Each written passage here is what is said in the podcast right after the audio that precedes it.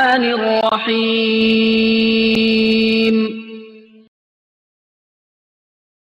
إنا نحن نزلنا الذكر وإنا له لحافظون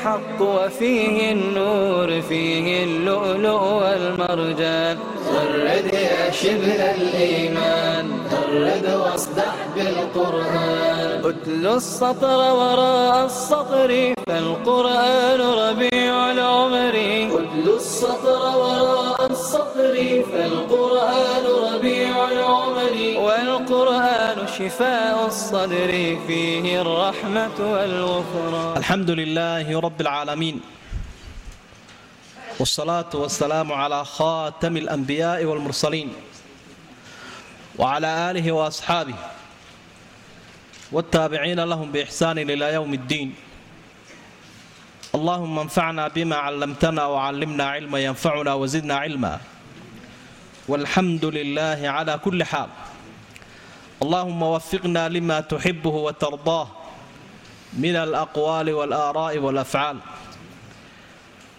waa suurat lbaqara baynu ku dhex jirnay tarjamadeeda taftiirkeeda aayadda boqoliyo sagaaliyo siddeetan. Qaala allahu tacaala yas'aluunaka nebi maxameda waxay ku weydiinayaan canil ahillati bilaha bishan bilanaysa. Qul waxaad tidhaahdaa hiya bishaasi mawaaqiitu linnaas dadkay wakhti u tahay. Walxaj xajkana wakhti bay u tahay. Walaysa albiru samafalku ma aha. Samafalku ilaahay idin faruu doonayaa ma aha. Bi an ta'tu lbuyuut guryaha inaad kaga timaadaan min duhuurihaa dhabarkeeda. Walaakina albir samuhu waxa weeye man ittaqaa biru man ittaqaa qofka ilaahay ka cabsada samihiisa ayaa samafal la idhaa wa'tu lbuyuut guryaha waxaa kaga timaadaan min abwaabihaa guryaha albaabadooda kaga yimaada. Wattaquu allaah ilaahay ka cabsada lacallakum tuflixuun si aa u liibaantaan sababta marka aad fahamto ayaa tafsiirka aayaddana la fahmaya halkan oo kale. Waxa ay ku soo degtay aayaddu laba sababood. Ta hore weeyaane nebiga waxay su'aaleen calayhi salaatu wasalaam dadka qaarkood bisha iyo sababta kolka ay bilatana ay u yaraato. Kolka ku xigtana ay u weynaato. Kolka dambena ay u yaraato labada jeer xagga hore iyo xagga dambena way yartay oo way dhuubantay. Marka dhexdana way dhammaystirantay. Maxaa sababay? Su'aasha kalena ama sababta kalena waxay ahayd dhaqanka carabta ayaa wuxuu ahaa marka ay xajka ka yimaadaan ama marka uu qofkuba xajka xidhan yahay. Waxay odhan jireen war guriga innagoo dembaabnay oo dembigiina saaran yahay oo dhooban albaabkii aynu ka geli jirnay aan iskaga baydhnay ilaa imminka waynu soo xajnaye xaajigu waa inu aag badashaabay odhan jireen oo xaggee laga gelayaa docda dambea laga soo gelaya dhabarka iyo dudada maqsinka. Maqsinkii albaabkii intoo laga baydho aqalada siiba dasada ahaa ama dee aan gidaarka ahayn iyo kuwa gidaaraba xagga dambea laga daloolinaya arrinkii sidaasuu ugu qalloocsamay fiqigii xajka ku qalloocsamay nimankaa labadii arrimood ba ilaahay uu saxay. Markaasaa ilaahay wuxuu ihi bilahay ku weydiiyeena waxaad u sheegtaa falaki ahaan sababtay la weynaanaysa iyo waxay la yaraanaysa. Taa muhiimadu maaha laakiin muhiimadu waxa wey xikmadda loo abuuray. Xikmadda uga jawaabo waxa loogu talagalay waa tawqiit wax ay dadku wakhtiga ku tirsadaan. Waa wax lagu garta bilaha xajka. Macnaha xajkii baa lagu garanaya soomkii baa lagu garanaya waa lagu mudaysanayaa dadku had iyo jeer wax ay wax ku kala goostaan ay wax ku calaamadsadaan weeye. Xikmadda taa ugu sheeg. Oo su'aashan odhanaysa maxay la yaraataa iyo maxay la weynaataa? Waa arrin la xidhiidha un aayaadka ilaahay. Oo ilaahay awooddiisumay muujinaysaa isbedeladaasi laakiin muhimmadu taa ma ah. Ee muhimmadu waa inay waraystaan xikmadda loo abuuray. Xikmadduna waxa weeye in lagu mudaysto wax. Taasay xikmaddu tay usluubulxakiim bay u yaqaanaan culimmada balaaqadu. Iyadoo cid wax weydiisayoo kii mid ahayn laguu dhiibo. Macnaheedu waxa weeye kaa waxa kaaga faa'iido badan kan.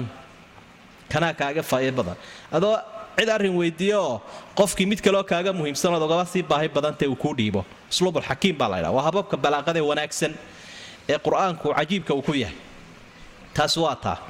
Tii kalena ilaahay wuxuu tilmaamay wardadii haddaad samafal doonaysaan samafalku aqal xagga dambe laga soo boodo dudaka soo boodid ma aha. Laakiin waxa weeye alla ka cabsi samafalku.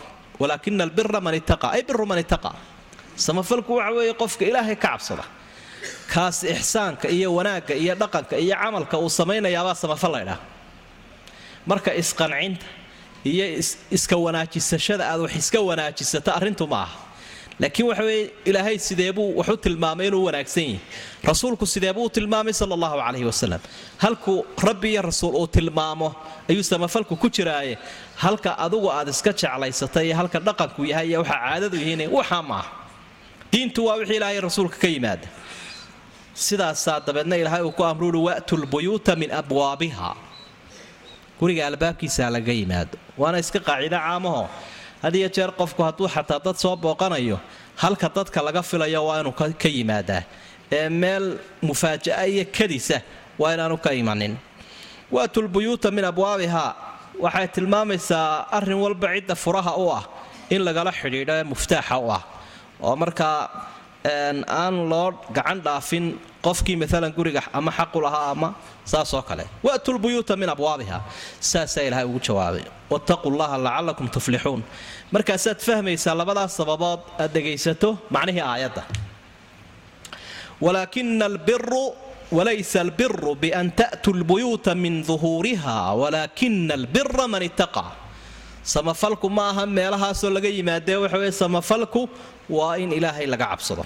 Qaala allahu tacaala waqaatiluu buu ilahay yidhi dagaalama fii sabiili illaah jihaadka aladiina kuwii la dagaalamaya yuqaatiluunakum idinkaba idinla dagaalamaya gaalada ahaa walaa tactaduu ha xadgudbina iska ilaaliya ina allaha laa yuxibu ilaahay ma jecla almuctadiin kuwa xadgudbaya waqtuluuhum dadkaa colaadu idinka dhexaysee gaalada allaaya xayu aqiftumuuhum meeshii aa kula kulantaan iyo meeshii aa kaga xoog badataan wa akhrijuuhum waxaa ka saartaan min xayu akhrajuukum. Halka idinka saareen. Deegaanka idinka qabsadeen ay idinka qaxiyeen idinkuna ka xoreeya. Walfitnatu buu lahay. Fitnada waxa la ydhaahdo dadka diintooda iyo dalkooda uu ka fitnoobo ay ka aafowdo. Ashaddu min alqatl dilka taasaa ka daran. Diinla'aanta ayaa dilka ka daran walaa tuqaatiluuhum ha kula dagaalamina gaalada. Cinda almasjidi alxaraam masjidulxaraamka agtiisa iyo xaramka. Ha ku bilaabina. Xataa yuqaatiluukum fiih. Jeeroo iyagu ay idinla dagaalamaan idinku bilaabaan. Fa in qaataluukum hadday halkaa idinkula dagaalamaan xaramka faqtuluuhum dee laaya. La gacmolaabnaan maaye. Kadaalika sidaasuu ahaaday jazaau lkaafiriin gaalada abaalkoodu waa nooca in loo jawaabo fa in intahaw buu ilaha yidhi hadday cagadhigtaan oo xumaanta ay u kaadiyaan fa ina allaha hafuurun raxiim ilaahay dembigu dhaafaa wuu naxariistaa hadday gaalnimada ka toobadkeenaana uu ka dhaafi waqaatiluuhum buu ilaha yidhi la dagaalama xataa laa takuuna jeeroonay jirinba fitnatun dadka in diintooda iyo xorriyaddooda laga aafeeyo ilaa taa la waayayo wayakuuna diin diinta sarraynaysa awoodda liina ay noqonayso lilaah ilaahay uu yeelanayo fa in intahaw haddii ay iska daayaan waxaa oo ay edabsadaanay sharciga u soo noqdaan falaa cudwaana colaadi ma jirto ilaa cala aldaalimiin dadka daalimiinta ah dushooda ayuunbay colaaddaas ku oogan tahay kolkaa. Waxa ugu horraynba aayaadka ilaahay uu kaga soo warramayay saynu arkaynay cibaadadii soomka cibaadadii xajkuna way soo socotaa. Markaasaa ilaahay wuxuu dhex geliyay cibaadada jihaadka oo iyaduna cibaadaadka islaamka uun ka mid ah. Nebiguna calayhi salaatu wasalaam waxa uu lahaa ra'sul amri lislaam qofka waxa lagu waajibiyey ama ummadda u yaalla. Halka u sarraysaa waxa weeye islaamnimadii in la hoggaansamo tiirka ay ku taagantahayna waa salaada wa dirwatu sanaami lislaami aljihaad kuruska ugu wanaagsanina waa jihaadka cibaadooyinka ilahay una saaray marka haddaba munaasabadda aad eegto xukunkani uu la leeyahay axkaamta hore iyo kuwa dambe iyo aayaadkaba. Waxaa ugu horraynba aynu ka fahmaynaa diintani inay tahay diin manhaj keliya ahoo wada socota qaybteeda awoodda iyo qaybteeda siyaasadda iyo qaybteeda dhaqaalaha iyo qaybteeda cibaadaadka islaamku waa jus-un laa yatajaza waa wax quroo wada socda manhaj keliya oo ilaahay uu soo dejiyayoo aan la kala dheegi karayn. Sida baruurta iyo jiidhka loo kala dheega soomaad arag ee dadka qaarkood yidhaahdaan baruurtaa xaggaa inaga dhig. Jiidhkana inoo soo reeb. Tusaalaha basiidaynu soo qaadanaynaa saasoo kale ma aha. Waa wax ilaahay uu isku rakibay oo manhaj keliya ahoo uu ina amray uu yihi udkhuluu fi silmi kaafa. Manhajkaasaan keenee wada qaata oo qaybinaya idinku adkaan. Qaybta gaaladu diido dee hadayninoo ha uga cararina. Inta idin yar qaboobaatana ha ka qaadanina. Marka waa qayb waa manhaj wada socdo wey taasi waa arinta markaa nasku uu faa'iidaynaya xidhiidhka aayaddu. Arrinta labaada jirtaa waxa weeye. Alislaaxu daakhili yaqtadii alislaax alkhaariji. Marka arrimaha gudaha la hagaajiyo dadka muslimiinta ay noqdaan dad diintoodii ku toosan oo khushuucsan oo ilaahay si wanaagsan ula xidhiidhsan oo soomkii oogayoo sa aynu soo aragnay salaadii si wanaagsan u tukanayo xajkii oo wax walba dhammaystiray. Arrimahoodii guduhu hadday sidaa u gaashaamay inay u tiirsan yihiin. Ase arrinka debaddu aanu tiirsanayn oo arrinkii debaddu uu ka jilicsan yahay. Arrin gudo u hagaagayaa ma jiro. Marka islaaxa daakhiliga ahi ama hagaaga guduhu hagaagaya ummadda islaamka wuxuu ku xidhan yahay in debaddu hagaagsan tahay sidaa daraaddeed ayaa si ay cibaadaadkani dadka ugu joogaan ay xorriyad ugu yeeshaan ay ugu hagaagaan ayaa cududoodii baa ilaahay uu ka hadlay. Waa munaasabadda kale iyaduna taallo wey in yaroo kooban waxaynu ka odhan lahayn jihaadka iyada oo maaragtay uu leeyahay fiqi ballaadhan oo dee ka salaada iyo soomka iyo xajka kutub gaara laga qoro in yaroo basiida oo aynu ku fahmayno aayaadka. Ugu horayn marka la eego tacriifkiisa ama tilmaantiisa dee qofku waxa ugu badane uu kari karuu bixiyo ayaa la ydhaha badluljuhd awooddiisa ugu badanee qofkuu dhiibo ama ummaddu ay dhiibtaa jihaad la ydhaahdaa xagga tacriifka sharciga ah waa infaaqu nafsi wanafiis fii taxqiiq kalimat illaah wax alla wixii qofka agtiisa ku qaaliyahoo marka rag la hadday naftii tahay iyo hadday maal tahayba lagu bixiyo wey litakuuna kalimatullaahi iyo alculyaa si kelmadda ilaahay ay u sarrayso taa halkaa waxaa tilmaantaa ku baxaya dagaalada kale dadku ay galaane kala duduwan ee aan diin ilaahay loogu hiilinayn iyo xaq loogu hiilinayn. Magacyaday doonayaan hal ahaadaane siduu nebigu ku jawaabay ma aha jihaad laguma tilmaami karayo. Taas waxa weeye xagga tilmaantiisa ilaahay baana sii fasiro ina allaha ishtaraa min almuminiina anfusahum waamwaalahum biana lahum ljanna yuqaatiluuna fii sabiili illahi fayaqtuluuna wayuqtaluun naftooda ilaahay uu ka iibsaday dadka muminiinta ah si ay janno u helaan jihaadkay galayaan. Waxaa qur'aan iyo xadiid aad uga dheehan karaysa haddaad aad u dhugatood u fiirsato fadliga uu leeyahay baabkani ama cibaadada jihaadka la ydhaahdaa fadliga ay leedahay dee aayaadka ka warramaya iyo axaadiidta xusaya. Muxaadaro iyo muxaadaraadtoona laguma soo koobi karaa aad bay u fara badan yihiin qur'aanka kariimkaana kolka aad eegto siyaabo badan ayuu u dhiirigelinayaa dadka. Mar halkan ilaahay waxa uu ku tilmaamay addoonkiiyo inay ilaahay wax kala iibsadeen. Oo addoonkii ilaahay uu ka iibsaday wixii uu kolka horeba siiye naftiisa iyo maalkiisa. Jannana uu kaga iibsaday fastabshiruu bibaycikum aladii baayactum waa ilaahay la iibkaa ku bushaaraysta hal adullukum calaa tijaaratin tunjiikum min cadaabin aliim suuratu saf baad ka akhrii karaysa baayac mushtari aan marna lagu khasaaraynin inuu yahay fadligiisu aad buu fara badanyay qofkii doonaana nusuustu ka raajacaya xagga xukunkiisa marka laaga jihaadka waa faral ee marna fardu kifaayu noqdaayo ummadda haddii qaybi oogto uu ka dhacaa inta kale marna waa fardulcayn labadaa qaybood buu qaybsan yahay faralnimadiisa waxaa muujinaya aayaadkan imika aynu arkayno ee dee ilaahay ummadda uu faray. Waqaatiluu fii sabiili illaahi aladiina yuqaatiluunakum. Waqaatiluuhum xataa laa takuuna fitna. Infiruu khifaafan wahiqaalan wajaahiduu biamwaalikum waanfusikum fii sabiili illaah iyo aayadda soo socotay aynu ku arki doonno suuraddan dhexdeeda.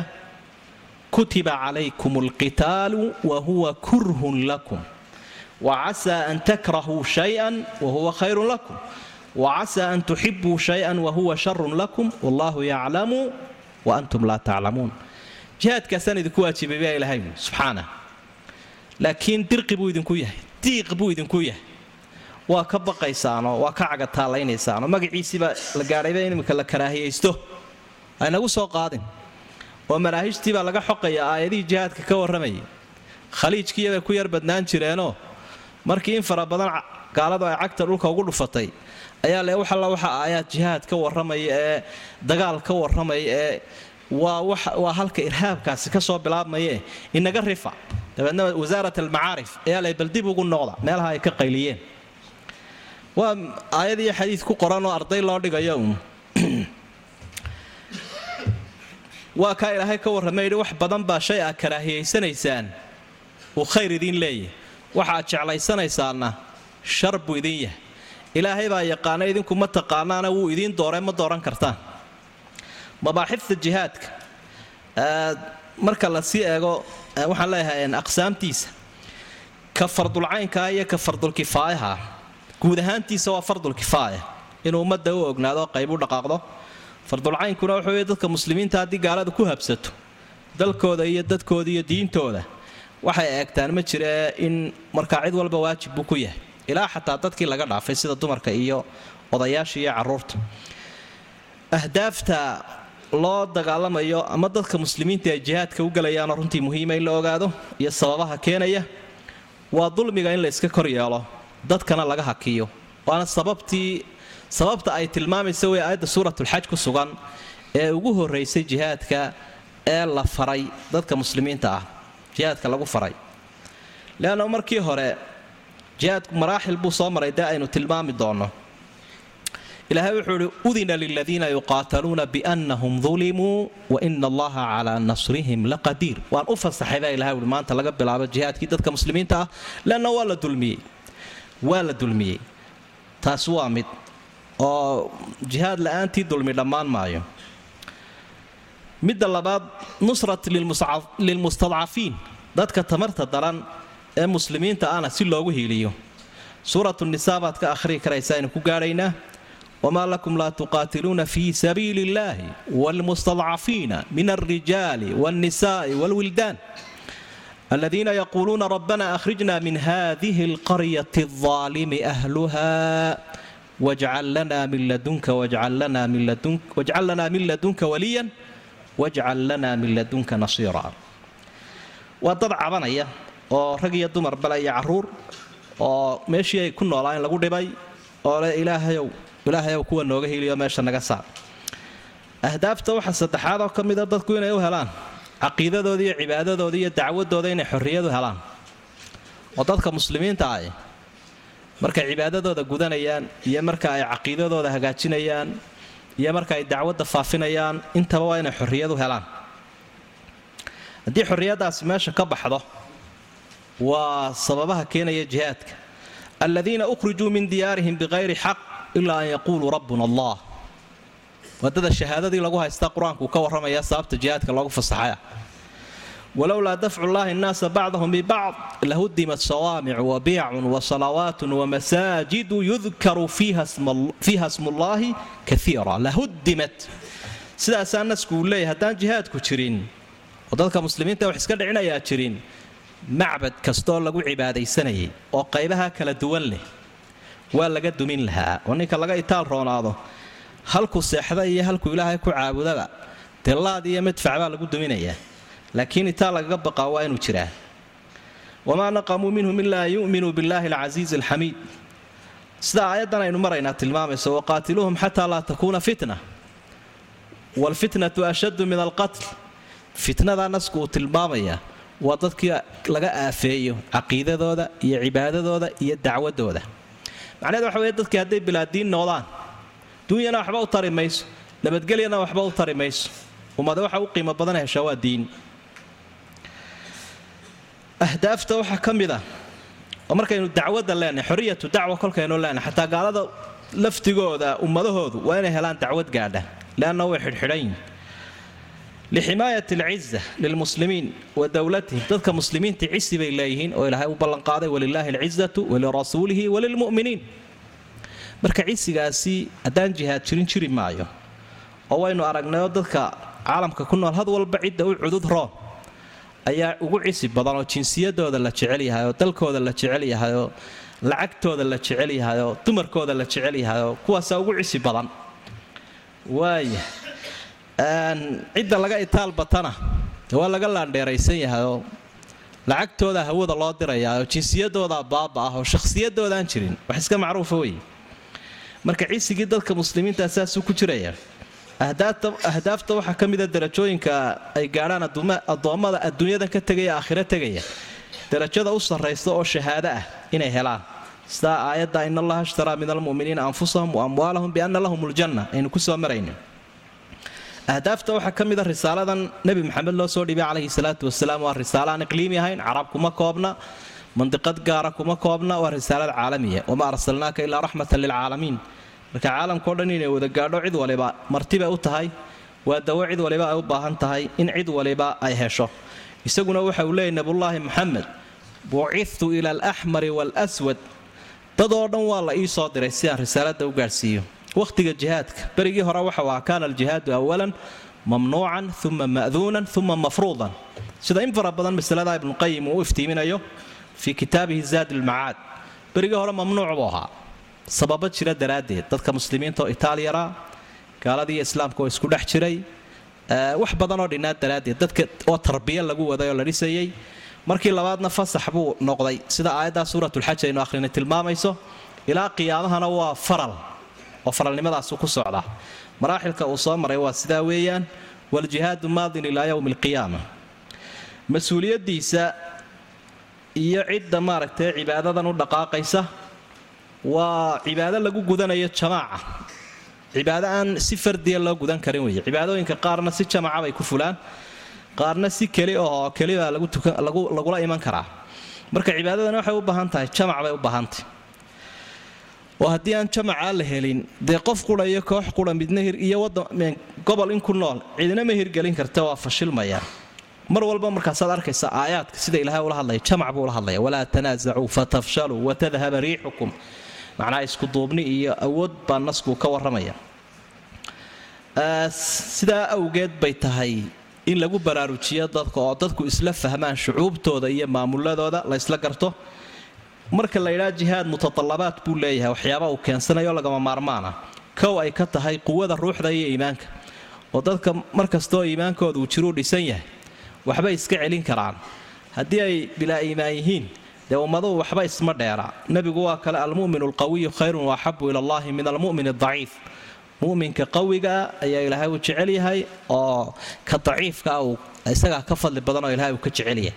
Marka quwada ugu muhiimsan iyadoo tan jidhkuna ay soo galayso waa ta iimaanka wey waxaa soo galaysa quwadii badaniga ahayd. Dadku inay sidoodaba iska tababaran yihiin oo adiga arkay oo dee ummadaha iminka idhaahdo waanu horu marnay waxay iska leeyihiin quwado diyaara iyo quwado kayda iyo dadku inay macrifada isaga leeyihiin xaqooda isdifaaca. Taasina qur'aanka inagu dhiiriyey. Waaciduu lahum ma staطactum min quwatin wa min ribaati اlkhayli turhibuuna bihi caduw allahi wacaduwakum waaaakhariina min duunihim laa taclamuunahum allahu yaclamuhum marka waa dadkii oo ilaahay uu leeyahy ummaddii islaamka ahayd. Diyaarsada baa ilaahay uu leeyay waa diyaargarowgoodii jidh ahaaneed iyo ciidan ahaaneed iyo gaadiidkii iyo waxoo dhan. Quwadii caskariga ahayd baa laga maarmaanoo dee tamaanta laga qaylayaa in fara badan ay u diidan yihiin dadka gaaladii muslimiinta ay u diidan yihiin. Mar walba wixii lagu dagaalamo. Haddii mar dee lagu dagaalamayo waran iyo gaashaan iyo seef iyo waxyaabihii la mid ah dee maantana waxaa lagu kala baqayaa waajibku ah dowladaha islaamka inay yeeshaan adiga arkayo dee waxa u badan laga qaylayaa waxa weeye hubkaasaa nala la egaysanaya marka anigu aan ku dheeraade adigu iga dambe anigu aan idhaahde adigu ha hadlin halkaasay maraysa. Marka waxaa waajib ku ah dadka muslimiinta ah mar walba waxa lagu dagaalamayo iyo waxa la ysku difaacayo iyo waxa dowladoodu ay ku jirayso iyo ummadooda iyo dalalkoodu. Ee ummadaha kaleba leeyina gaaladu inay dheeraadaan mooyaane inay ka yaraadaan maaha ilaahay baa waxau uhi waanzalna alxadiida fiihi ba'sun shadiidun wamanaaficu linnaas qalabkaasaan soo dejiyay xadiidka la idhaahdo iyadoo dhibina ay ku sugan tahay dheefina ay ku sugan tahay marka dhibkiiyo dheefka waa sinaacaadka madaniga iyo sinaacaadka xarbiga ayay culimmada u kala qaadaan waxyaabuu jihaadku u baahan yahay waxaa ka mida cilmi iyo aqoon iyo fiqiga jihaadka inay dadka muslimiinta aad loo baro wailaa haddii aanay dadku diinta aad u garanaynin qaybta fiqigan jihaadka la xidhiidha una dhaqaaqaan. Dee wuu ku qaloocsamayaa wuu ku qaloocsamayaa iminka ninka idhaa salaad baan tukanaya waxna aan ka aqoon. Dee qof qofka ag fadhiistaa war kada war sidaa looma tukado walaalkaasaad kharibtay waxaasuu maanta o dhan odhanaya. Marka fiqigan in la barto weeye jihaadka oo cidda u dhaqaaqaysa baabkan ay macrifo u yeelato iyo dhinacyadiisa kala duwan sidaa darteed baa ilaahay ummadda markay sii baxayeen baa uhi ha wada bixina. Qaybina dagaalka cadowga ha u baxdo qaybina dagaalka jahliga suuratu tawba haddaad akhrido? Wamaa kaana almu'minuuna liyanfiruu kaafa falowlaa nafara min kulli firqatin طaa'ifatun minhum liyatafaqahuu fi ddiini waliyundiruu qowmahum idaa rajacuu ilayhim lacallahum yaxdaruun ha wada bixina laakiin qolo fadhido oo fiqiga u fadhiisato kuwaas markay soo noqdaan baro oo saa loo kala faa'idaysto waa inuu jiraa marka dee si aan jabhado un dadku isaga noqonin oo hadafkoodu sax u ahaado ile waxay waayayaan wixii u qaalisanaayoo naf iyo maalehe oo meeshii u habboonayd ay ku dhacdo oo akhriya adduunyada aanay u waayin waa in macrifa jirtaa macrifo diiniya si aan u imanin inxiraaf. Inxiraafku haddii qori inxiraaf uu horkacayaa uu yimaado iyadana ifsaad baa imanaya. Sidaa ilaahay uu tilmaamay awoodaha aan aqoonta diiniga iyo iimaanku horkacayn ifsaad bay keenaan jihaadku aadaab buu leeyahay oo islaamkeennu dee meel walba aadaab buu yeelay iyo ixsaan xataa jihaadka dhexdiisa adaabta ugu horaysa waxa weye aladabu maca allah in ilaahay laga adabsado oo ah in la adeeco oo aan la caasiin. Alla waxau uhi fa wlaa lahum daacatun waqowlun macruuf faida cazama almru falow sadaquu llaha lakaana khayran lahum.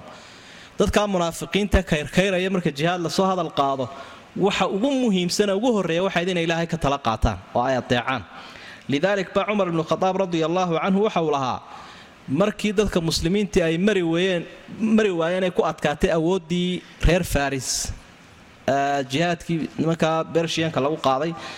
Waxa uu lahaa ay soo dirteen madad iyo fariimo. Ay idhaahdeen cumarow nimankii waa marilaan asxaabtiina aad bay u dhinteen. Waxa uu lahaa war waxaa laga yaabaa in macsiyo samayseene.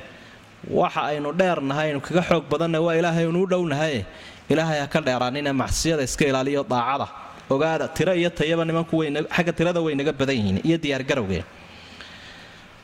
waxaa adaabtaasi loo baahan yahay ka mida aladabu maca almas-uuliin. Cidda markaa howlaha jihaadka dadka muslimiinta u wada in laga tala qaato oo aanay noqonin dadku kuwa kala socda. Ilaahay baa wuxuuhi walaa tanaasacuu fatafshaluu watadhaba riixukum. Ha murmina oo ha iskhilaafina way idin fashilmi doontaan fashilaad baa imanaysa marka si aan fashilaadaasi u iman waxay soomaalidu idhahdaan tala reerna waa la meermeeriyaa tala colaadeedna waa la mideeyaa. Talada reerka warbalebalow ka waran adna ka waran adna ka warranoo cod baa loo qaadaa. Laakiin kol haddii ay tahay talo colaadeed bay leeyihiin. Nin jenaraalahoo hogaamiya oo abbaanduulahoo isaga aan laga duba dhufan waa in la helaabay leeyihiin waaya ilaahay baa wuxu uhi ina allaha yuxibu aladiina yuqaatiluuna fii sabiilihi safan kaannahum bunyaanun marsuus ilahay wuxuuhi waan jecelahay dadka jihaadka ku jiree garba siman u dagaalamaya wax kala midhiiqinaya iyo wax ishoojinaya iyo wax sida gidaarkaasoo kale isku ah.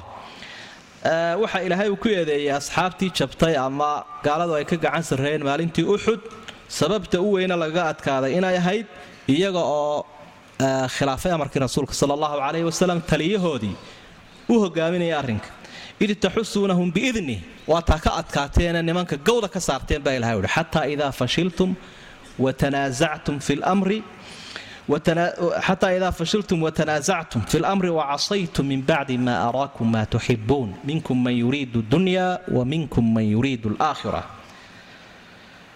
Saasaa ilaahay uu kaga warramay. Dee markii aa muranteen ee nebigii taladii uu amarku idinsiiye weydaarateen baa dee la fashilmo ninba meel ka dhacay adaabta kale loo baahan yahay waxa weye xataa ummadaha lala dagaalamayo.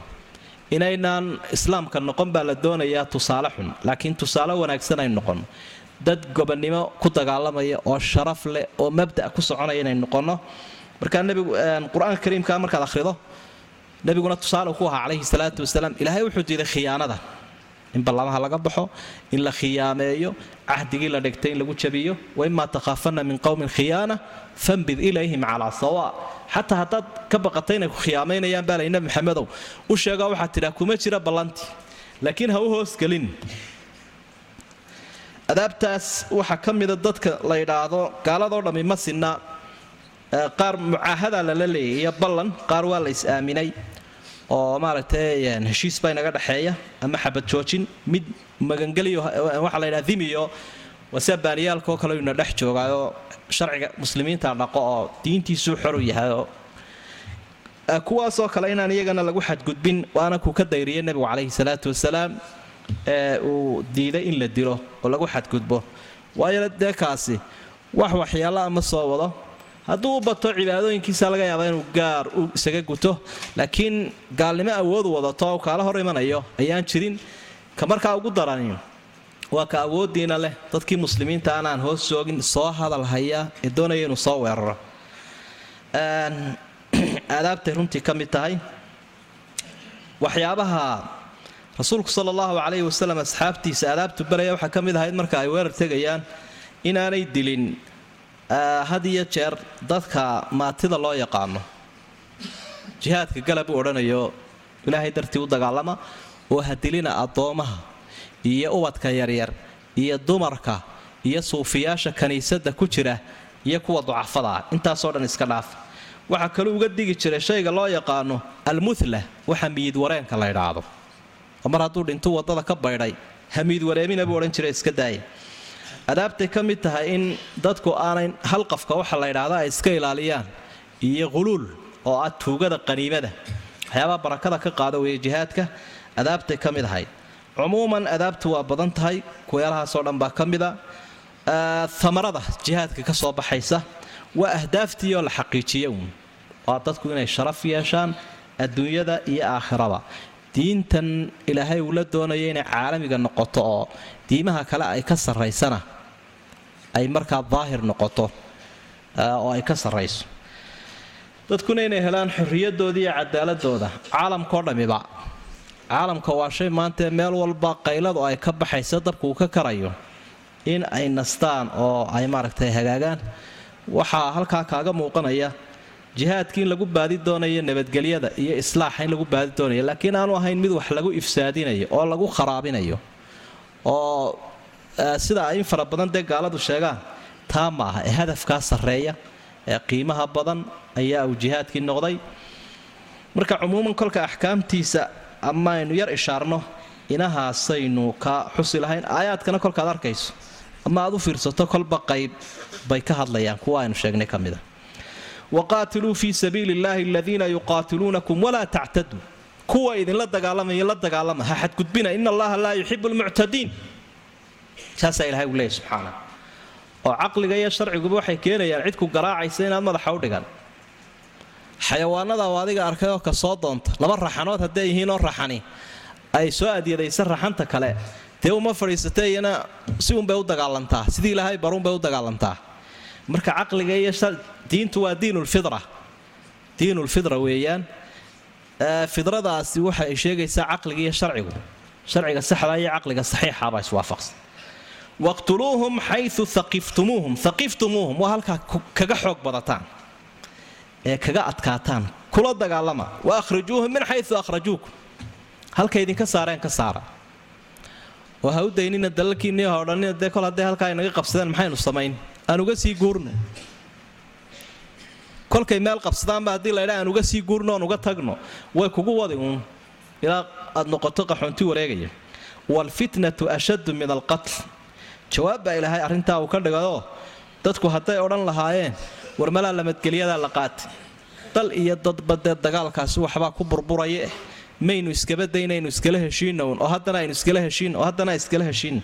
Ilaahay waxa uu leeyahy fitnada dalkiinna ka dhacaysa diintiinna ka dhacaysa adduun iyo aakhiraba idinka aafoobayso dhimashada taasaa ayaa ka daran baa ilahay wey markaa dhimashadii haddii ay fitnadii meesha ka saarayso u badheedha oo xejista ilahay ummadiisuu gubaabinaya addoommahana ilaahay baa wada leh.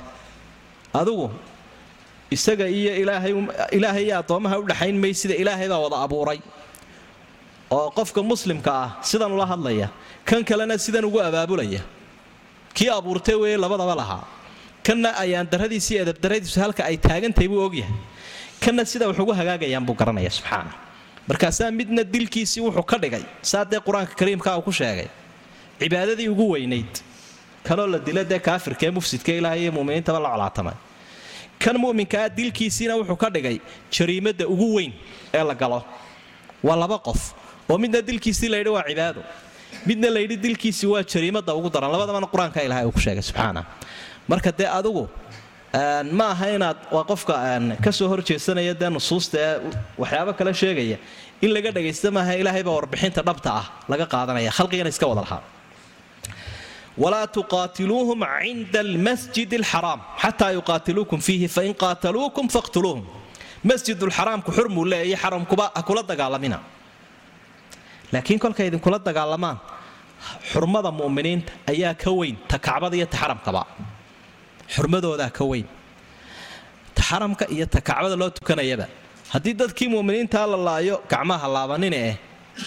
Bil kastoo xurmalaha lagu jiro xaram kastana ha la joogaeh waa in loo jawaabo. Kadalika jazaau lkaafiriin abaalkoodu waa noocaa gaaladaba ilaah abaalkoodu wax kale abaaluma lahae ina alxadiid yuqrac bilxadiid xadiidka xadiid baa laga horgeeya abaalkoodu kaan iimaan lahayn waran unbaa kaa joojin karaya ilaa xishood ma jire fain intahaw fa ina allaha hafuuru raxiim nasku wuxuu tilmaamayaa hadday gaalnimadii iska daayaane ummadda la mid noodaan ilaahay dembigu dhaafaa u naxariistaa idina ka dhaafa u naxariista hadday dadkiinnii laayeen iyo hadday daarihiinnii dumiyeen kol hadday diintii islaamka qaateen iska daaya waa sidaa weeye waa kii saxaabigu nabiga ku lahaa.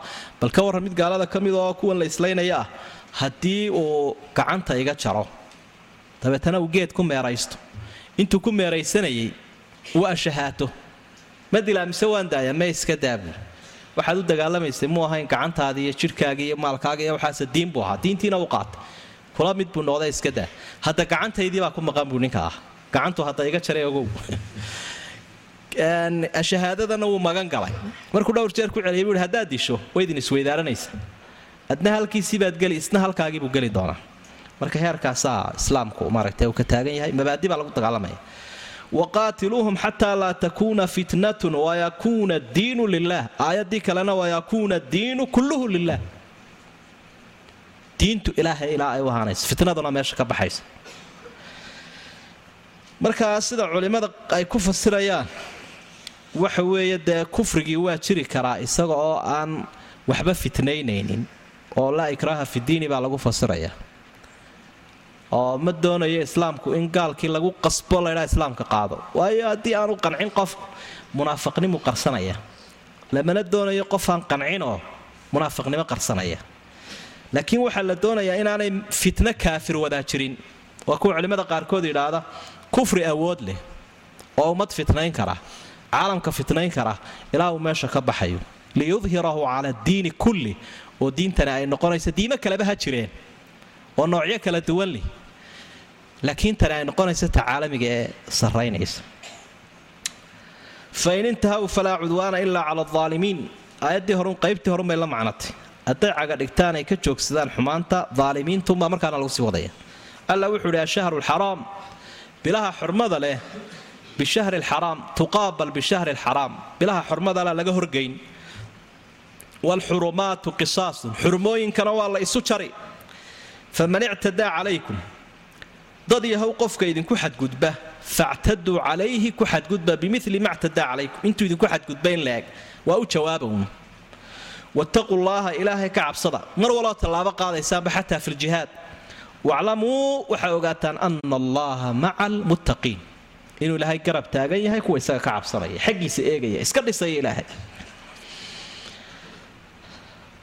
Waxa aayaddu ay sii akidaysa aayaddii hore ka warramaysay alamaakin almuqadasa waxaa la mida alawqaat almuqadas wakhtiga qiimaha badan hadday dagaalkii soo qaadaan. Dee idinkuna ku qaada weeye oo carabtu waxay weynayn jireen bilahan ashhurulxurumka la ydhaahdo way weynayn jireen shawaal dilqacda dilxija muxaram iyo rajab bilaha xurmada leh iyaguba way weynayn jireen haddaba iyaga oo u arkaya bil xurmala inay tahy hadday idin soo weeraraan oo ay doonaan inay bishaa xurmadale idiin hoosgeliyaanay ka faa'idaystaan dee idinkuna xurmadeediisay u jabiyeen idinkuna u jabiya ayaa nasku tilmaamaya marka dadka muslimiinta ah dhibka gaadhaya iyo diintooda iyo dalkooda ayaa wax walba ka fitnaya aafo badan. Wakhti muqadasa iyo meel muqadasa midna jiri mayso. Muqadasaadkiina way baaba'ayaan. Haddii wax iska dhicinta iyo iska difaaca intuba meesha uu ka baxo. Markaasaa ilahay uhi ashahru lxaraam bishahri lxaraam bilaha xurmada leh waxaa la qaabilsiinayaa bilaha xurmada leh. Oo say u jabiyeen u jabiya dee xurmada. Xurmadaa eegaysaa waa maxay? Hadday iyagiiba eegi waayeen. Waa kaa ilahay uhi walxurumaatu qisaasun xurmooyinka waa la isu jarayaa. Bishay jabiyeen idinna waa jabiseen haddaa idinku jabiseen iyagaa jabiyey saasay arrinku noqday.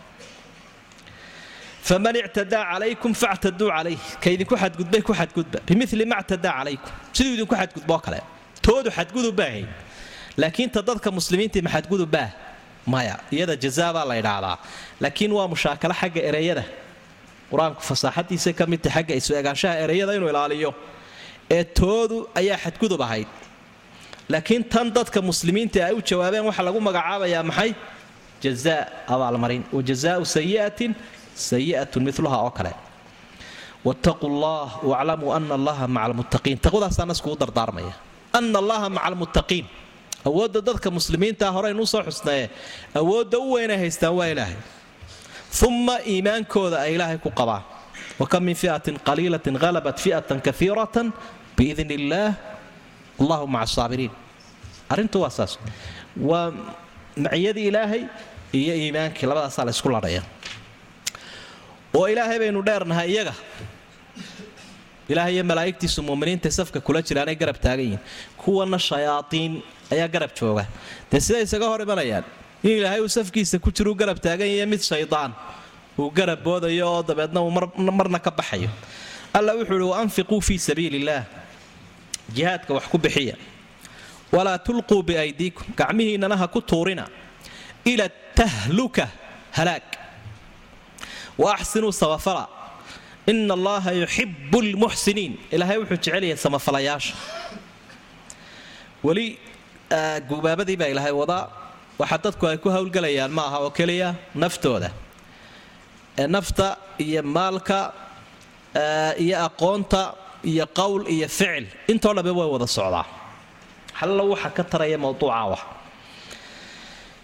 wax. Ku bixiya baa ilaahay uhi infaaq jihaadka wax ku bixiya waa arrin ay dheer yihiin muslimiinta ummadaha kale. Ummadaha kale markay dagaalgalayaan had iyo jeer ama dowladaha maalgeliya ama waxa loo baadi doonaa miisaaniyado muslinku waxa uu dheer yahay ummadaha kale qofku sida uu naftiisa u geynaya meesha ayaa waajib ay ugu tahay maalkiisana inuu soo qaato. Cidiba ka badin maysaba. Waa dad iyagu iskaba qalabaysanba milatari ahaan way iska qalabaysayin muslimiintu. Oo qofku maalkiisiibuu iska wataa hubkiisiibuu iska sitaa gaadiidkiisiibuu soo iibsaday isagiibaa iswada waba la ysu yimuun. Wax horkucunbaabay rabaanba. Ummadaha kale taa ma laha. Wa anfiquu fii sabiili illaah walaa tulquu biaydiikum ila tahluka gacmihiinna halaaga ku ridina haysalaagina samafala ilaahay samafalayaashu jecelyihin waxa dhacday mar laga dagaalamayay meeshan qustatiiniya la idhaahdo dadka muslimiinta ay sannadii hore ay ka dagaalamayeen. Oo qustantiniyana dee waa beriya adkaatee la furi kari waayey. Ilaan wakhtigii atraagta ayuu maxamed alfaatix fure ayaa nin muslimiintii ka mid ahaa ayaa col fara badanoo gaalado halkaa soo safan meeshuna meel qalcadaho aad u adag bay oo nimankan qaybtan kiniisadda orthodogoska la idhaahdo ayay xarun u ahayd sida kuwan kaleo fatikaanku uu xarun ugu yahay marka in badan bay difaaci jireen nimanka saliibiyiinta la idhaahdaa waa la mari waayo dabeedna ninba aad u cadhooday oo safkii gaalada halkaasoo safan buu intuu dhababaceeyey ayuu bartanka u galay. Qub iyo qacoo dabeed isna la dhaawacay isna wax badanuu leefsiiyey markii uu soo noqday bay qolyaha qaarkood waxay dhahen subxaana allah alqaa biyadihi ila taalug war halaag baad isku tuurtaye maxaad faa'iidaysay? Intaasoo nin baad isku qaado dabeedna waxba maad kordhin mar inaynu saani weerna mooye nin keliya maxaa waxaasoo dhan ku dhexgeliyay aayaddanay markaa u soo daliishadeen walaa tulquu biaydiikum ila tahluka asxaabiga la yidhaahdo abu ayuub alansaari radia allaahu canh ayaa ka jawaabay oo wuxuu idhi wardadii ow aayaddan sidii loo doonayay in loo fasiro si aan ahayn ayaa u fasirteen buuri wa innamaa nazala fiina macshar alansaar. Aayaddu waxay ku soo degtay annagii reer ansaareed ahayn ee reer madiine ahayn ayay nagu soo degtay. Oo berigii hore waxaanu arrinkaanu buddhig baanu ahaynoo annagaa naf iyo maalba keenaynoo jihaadka u badnaan jira.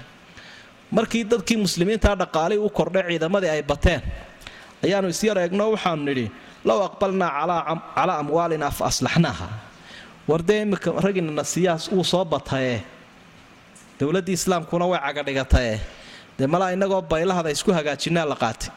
Oo wax badan baa inaga baylahsanaaye xagga xoolaha iyo dee duunyada u yara baydhna ilaahay baa dee sirri daariya oo wax walba ogsoone oo quluubta addoommaha iyo sirtooda ka warhayee aayaddan uu soo dejiyo markaasaa dabeed laleeya maya ha yeelina.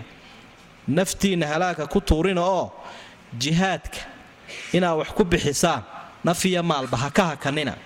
Wa anfiquu fii sabiili illaahi baa soo degtay. Wax ku bixiya oo naf ahaan iyo maal ahaanba u gala oo sidaa aa isku qancinaysaan ha yeelina. Tafsiirka aayaddu waa kaas buuri laakiin ninkaa meeshaa weeraray waxaan khayr ahayn muu keenin isagu? Fiqigaas waa fiqi qallooca buu leeyahay sax maaha marka sidaasibaa qofku haddii uu halkaasoo kala galo oo tadxiyadaa uu sameeyo naftihurannimadaa aan loogu fasiraynin aayaddan. Waa kuwa dabeedna culimmadu ka warrama dadka iyo hababka ay maaragtay dadka mujaahidiintii u dagaalamayaan qofku intuu cadowga dhex galo ma la dagaalami karaa isagoo keligiiya oo intuu wax badan ka dilo kadibna dee isaguna saa uu ku shahiido. In fara badan oo ka midi haabay ku tegayaan aayaddana dee si aynu soo sheegnay lagu fasiri maayo. Dee waa qiso dheero runtii amhaasheeda iyo tusaalayaasheedana u baahan saxaabiga laodhan jiray anas ibnu nadur radia allaahu canhu iyadoo colkii nebigu maalintii uxud uu jabay oo uu sii yaacayo oo kolba raaba weydaaranayso ayuu lahaa waryaadheen urtii jannadaabaan anigu buurta uxud sokadeeda ka helayaae ma sidaasaa samayseen? Bartankuu galao ciiddaa wax leeg markuu laayaba isagana uu shahiiday. Sidoo kale wakhtiyadii laga dagaalamayay qaadisiye iyo dee nimankii reer faris lala dagaalamayay markii qalcadaa la mari waayey nin colkii ka mid ahaabaa kor loo qaado bartanka loogu riday. Waar aniga un isaara buuri. Aniga ayaa meeshan ku quusanaya igu duceeyo. Aniga idallaca buuri qalcadda dabeetana waa la dallacay albaabka dushiisii gudaha lagu tuuray meeshay difaaca kaga soo jireen waa kii dee wax ku dhacayba dee horta albaabkii furay halkii colkii looga galay. Amhaashu way fara badan yihiin oo maaragta tusaalayaashu. Sidaa darteed dadka muslimiintaa marka wadankooda lagu galo dariiqo kastay isku difaaci karayaan. Ilaa qarxidda waa kuwa dee markaa culimmadu leh. Haddii ay wax kale u suuroobi waayaan kol haddii wadankoodii loogu tago lagu haysto difaacuna cayni ahaayuu waajib ahaa waxay keeni kartaa in cid kale ay ku dayato waxay keeni kartaa in gaalku baqdo waxay keeni kartaa inta kale hareera taagan inay dhiirato marka xaaladahaasoo kale waa sax bay leeyihiin culimmadu. Allaahuma ilaa dee tan dadka muslimiinta iska degan wadamadooda ama gaaladaba meeshooda loogu tegayo ee aan faa'iido badani ka soo baxaynin mooyaane. Taa marka muslimiinta wadankoodii lagu weeraray meeshoodii lagu haysto taa waa banneeyeen culimmadu. Waayay halkaa waxaa markaa ilaahay aayaadka uu kaga warramay jihaadkii iyo runtii sida ilaahay ummaddan uu u dhiiriyey cibaadooyinkii uun baynu ku jirnaa qaybta labaad waa xajkii wa atimuu buu ilahay yidhi dhammaystira alxaja waalcumrata xajka iyo cumrada lilaah ilaahay daraaddii u dhammaystira. Kol haddaa xaj bilowdaan oo gudagashaan cumradana gudagashaan ha ka bixinee dhammaystira. Fa in uxsirtum haddii laydinka hakiyo oo laydinka hor joogsado beydkii ilaahay ku soo cibaadaysan lahaydeen. Famastaysara wixii sahlanaadaa idinku waajiba oo min alhadyi xoolo la qala ah. Wixii xoolaha la qala idiin sahlanoo neef fadhiya ah kaa gowraca halkaa ku xalaalooba.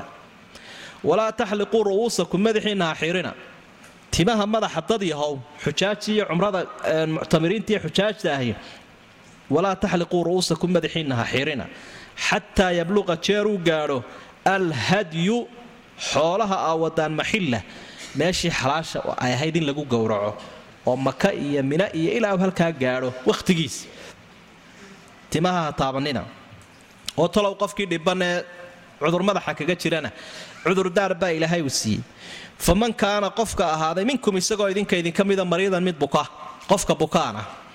Aw bihi adan ama dhibaata ay ka haysa min ra'sihi madaxiisa. Ee madaxa ka buka ee u baahda inuu xiirto ha iska xiirto. Fa fidyatun waxaana markaa lagu leeyahay fidyo inuu wax bixiyo. Waxa uu bixinayo oo la imanayo a min siyaamin soom uu soomayo aw sadaqatin ama sadaqo aw nusukin ama gowrac inuu neef gowraco saddexdaa mid ha bixiyo timiha iska xiirto. Fa idaa marka ummadii hay aamin noqotaan. Macnaheedu waxa weeyaan dhibkii idin hayay iyo wixii idinka hor joogsaday aa ka aamin noqotaane fasax u tihiin inaad tagtaan kacbadii faman tamataca qofka ku raaxaysta bilcumra cumro qofka ku raaxaysta ee macnaha cumro la yimaada ee cumro horraysiiya ila alxaj inta xajka laga gaadhayo qofka cumro horraysiiya fama staysara min alhadi waxa ku waajiba wixii sahlanaaday xoolaa neef adhigaa ku waajibay faman lam yajid qofkaan helin neefka ah ee xagga dhaqaale ahaan ka yar daciifa iska liita fa siyaamu alaaati ayaam saddex maalmood soomkood baa ku waajiba filxaj xajka dhexdiisa uu ku soomo wa sabcatin toddoba maalmood inuu soomaa ku waajiba idaa rajactum marka reerihiinni u noqotaan tilka casharatun kaamila taasi waa toban dhammaystiran saddex loo geeyay toddoba daalika xukunkaa waxa iska leh oo xukunkaasi uu ku waajibo sidaa u dhaqmayo oo tamatuca iyo saa hadigaasi ugu waajibayaa liman qof buu u sugnaaday. Lam yakun ahluhu. Reerkiisu aanu ahayn xaadiri lmasjid alxaraam masjidulxaraamka kuwo ku xaadirsan kuwo olog iyo jaarla ah kuwo deegaan ku ah. Dadka aan xaramka deegaanka ku ahayn laakiin jihooyinka ka yimi weeye dadka sidan u xidhan karaya. Wattaquu allah ilaahay ka cabsada. Waclamuu waxaa ogaataan ana allaha shadiidu lciqaab in ilaahay ciqaabkiisu daran yahay oo qofka cibaadada ku dheeldheela ama u dhaqaaqi waaya inuu ilaahayna ka warhayo ciqaabkiisuna ku daran yahay oo ilaahay ku daba taagan yahay ogaada. Marka axkaamtii jihaadka sidaasiba waxaan leeyahay xajka iyo cumrada ayaa ilaahay halkan ka bilaabay oo runtii iyadana si faahfaahsan uu sheegay. Ayaddu waxay tilmaantay lix xukun oo ka mida axkaamta xajka. Ka u waxa weeye waxa farala xajka iyo cumrada in lala yimaado qofkii ay ku waajibeen saasaa amarku ku dhacay.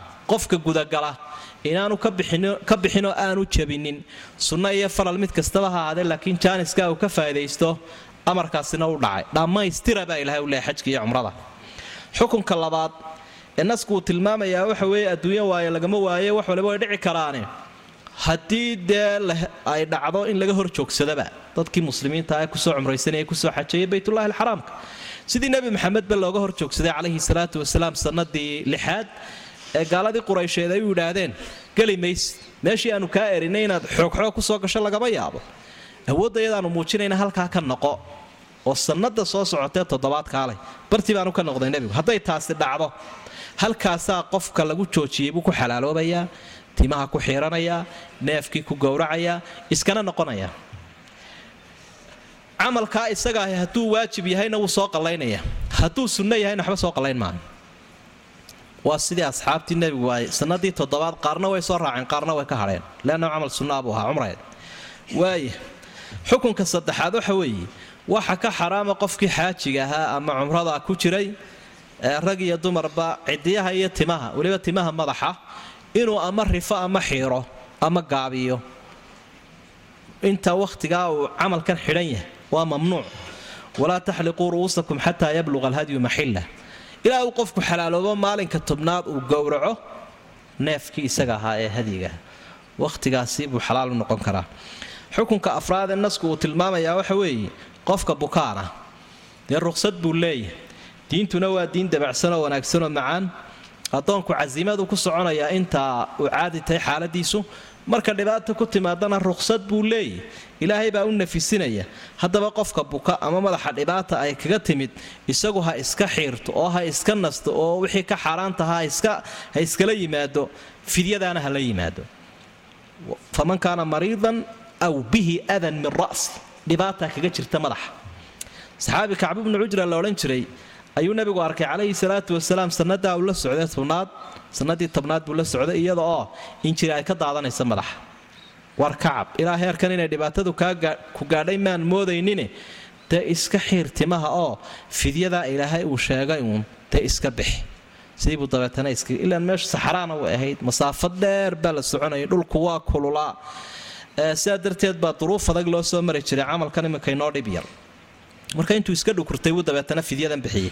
Fidyada nasku wuxuu tilmaamay saddex arrimood soon iyo sadaqo iyo nusuk soomku waa saddex maalmoodoo la soomo. Sadaqaduna waa lix miskiinoo raashin la siiyo. Maal dee bisaylna waad ku siin kartaa. Lix galaanna waad kala siin kartaa. Nusuguna waa neef la gowraco. Saddexdaasi wuu kala dooranayaa qofku kolba kii u dhib yar.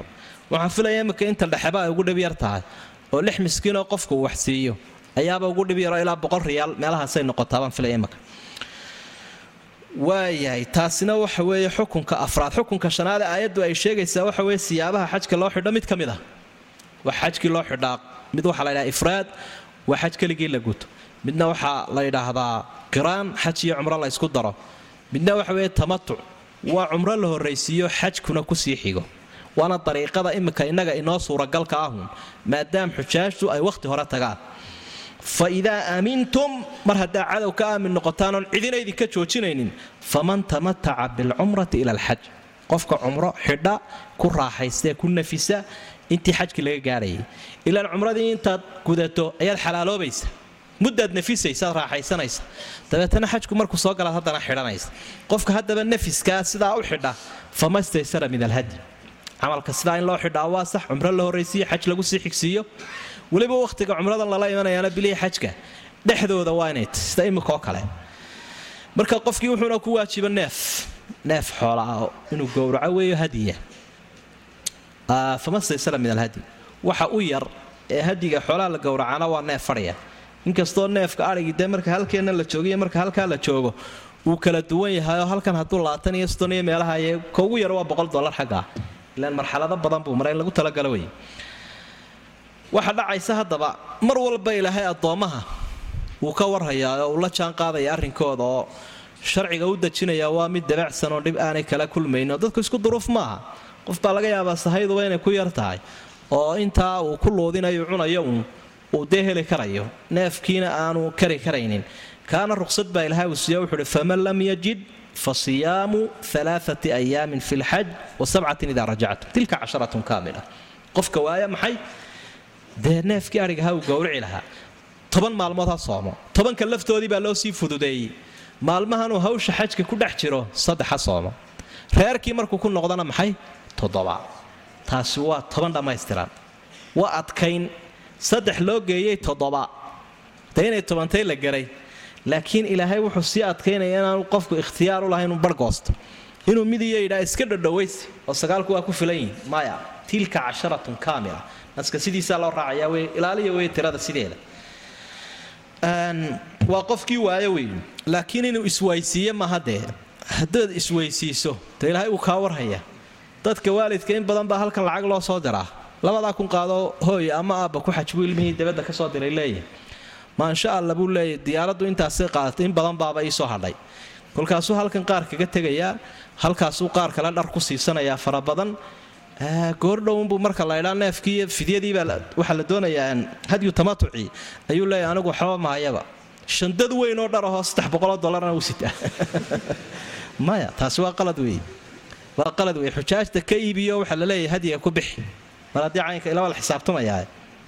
Sidoo kale hadduu geel badan leeyahay oo xoola halkan u yaallaanoo lacag hargaysa u taallo markuu xaggaa joogo u idhaahdo sheefku waa madhan yahay.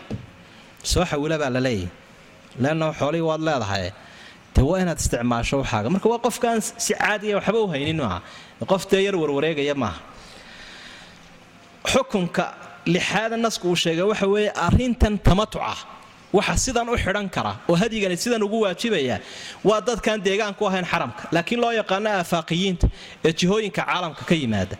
Dalika liman lam yakun ahluhu xaadiri lmasjid alxaraam masjidulxaraamka waa dadkaan reerkoodu ninkaan reerkiisa ku nagayn ka reerkiisu halkaa ku nagan yahay isagu ifraadunbuu xidhan karaa. Laakiin tamatucan ma laha. Ibnu cabaas baa u dhawaaqaya wuxuu leeyahy war dadka xaramka deganow idinka xalaalba idin maaha waa kaa ilaahay idiin diidee. Neefna idinkuma waajibaya xajkiinu la yimaada kadibna cumro la yimaada. Marka almasjid ayuu reerkiisu ku nagi yahay. Waxaa looga jeedaa un xaramka. Ile masjidulxaraamka reerama degaane waa lagu cibaadaystaaye waa xaramka dadka degan weeye. Saa darteed bay culimmada qaarkood leeyihiin salaadaha masjidka lagu tukanaya salaadaha xaramka lagu tukanaya maka waa isku ajri. Waayo dee nasku wuxuu tilmaamay deegaankii la deganaa maka iyo inay isku midun yihiin maxay? Masjidka oo tanuu ilaahay tan ka cabiray. Mar walba markuu jihaad sheegaya markuu xaj sheegaya markuu soom sheegaya taqwa iyo daaca ayaa ilahay uu ku celcelinaya. Wattaquu llah waclamuu ana allaha shadiid lciqaab wallahu aclam يا ماهرا بكتاب الله تقرأه أبشر بنور الله والحسنات اقرأ ورتل خاشعا متغنيا بأعذب الألحان والآيات يا ماهرا بكتاب الله تقرأه أبشر بنور الله والحسنات اقرأ ورتل خاشعا متغنيا بأعذب الألحان والآيات